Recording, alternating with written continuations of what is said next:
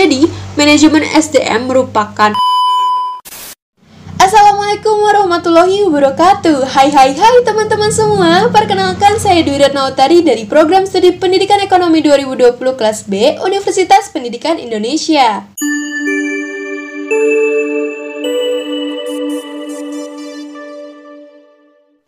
Oke teman-teman, di sini saya ingin sharing sedikit tentang manajemen SDM yang merupakan salah satu materi dari mata kuliah pengantar bisnis dengan dosen pembimbing Dr. Andes RD Dian Herdiana Utama MSI.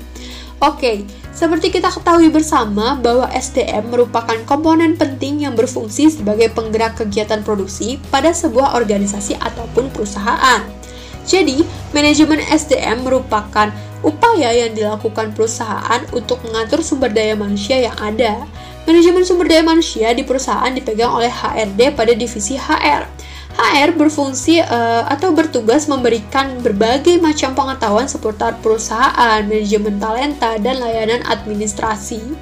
Manajemen SDM melibatkan kebijakan dan keputusan yang berpengaruh terhadap karyawan sebagai tenaga kerja dan manajemen SDM ini memiliki konsep dasar loh teman-teman, yakni menempatkan semua karyawan sebagai manusia.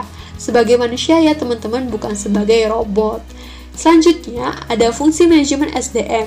Yang pertama, ada staffing atau keanggotaan.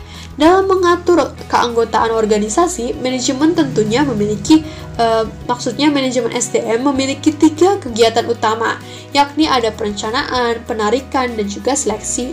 Kemudian yang kedua ada performance evaluation atau evaluasi kinerja. Dan ini meliputi penilaian dan evaluasi terkait kinerja yang diberikan selama periode tertentu. Yang ketiga ada compensation atau kompensasi. Setelah melaksanakan kewajibannya, karyawan e, berhak mendapatkan kompensasi yang layak dari perusahaan. Hal ini merupakan bentuk penghargaan yang diberikan perusahaan atas kinerja karyawan. Kemudian yang keempat ada training and development atau pelatihan dan pengembangan. Untuk mendapatkan SDM yang berkualitas, manajemen SDM adalah e, melakukan tentunya pelatihan dan juga pengembangan tenaga kerja. Kemudian yang kelima ada employer relation atau hubungan karyawan. Fungsi dari employer relation atau hubungan karyawan ini adalah memastikan apakah karyawan diperlakukan secara baik untuk mengatasi keluhan yang ada. Selanjutnya adalah personal research, dan ini sebagai pencari solusi dari masalah yang terjadi.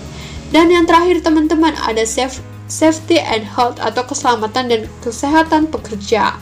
Manajemen SDM harus memperhatikan keselamatan pekerjaannya nih teman-teman melalui program yang dijalankan.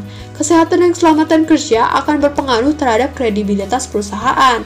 Manajemen sumber daya manusia juga bertugas melakukan pelatihan khusus mengenai keselamatan kerja dan membuat program kesehatan untuk pekerja. Kemudian, ada tujuan dari penerapan manajemen SDM. Yang pertama, menghasilkan sumber daya manusia yang terampil, bermotivasi tinggi, serta dapat dipercaya untuk menjalankan tugas organisasi. Yang kedua, melakukan peningkatan kualitas sumber daya manusia secara berkala melalui sistem kerja yang efektif. Yang ketiga, mewujudkan lingkungan kerja yang kondusif dan mendukung produktivitas kerja karyawan. Yang keempat, menyeimbangkan kepentingan tenaga kerja dan organisasi. Kemudian yang kelima, memberikan penghargaan atas semua prestasi kinerja sumber daya manusia. Yang keenam, meningkatkan kesejahteraan tenaga kerja secara jasmani maupun rohani. Yang ketujuh, melakukan pengelolaan karyawan atas dasar keadilan, transparan, dan juga perhatian. Kemudian yang kedelapan teman-teman, ada memberikan kesempatan yang sama bagi karyawan untuk bekerja dan menyelesaikan pekerjaannya. Dan terakhir yang kesembilan, mengakomodir perbedaan kebutuhan pada setiap individu dalam mengeluarkan pendapat.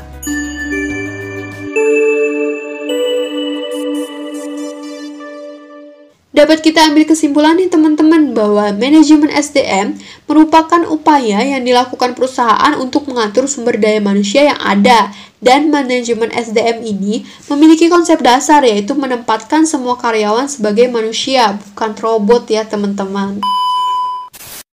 Oke sekian podcast pengantar bisnis pada kali ini. Kurang lebihnya mohon maaf dan tetap nantikan ya podcast-podcast selanjutnya. Dadah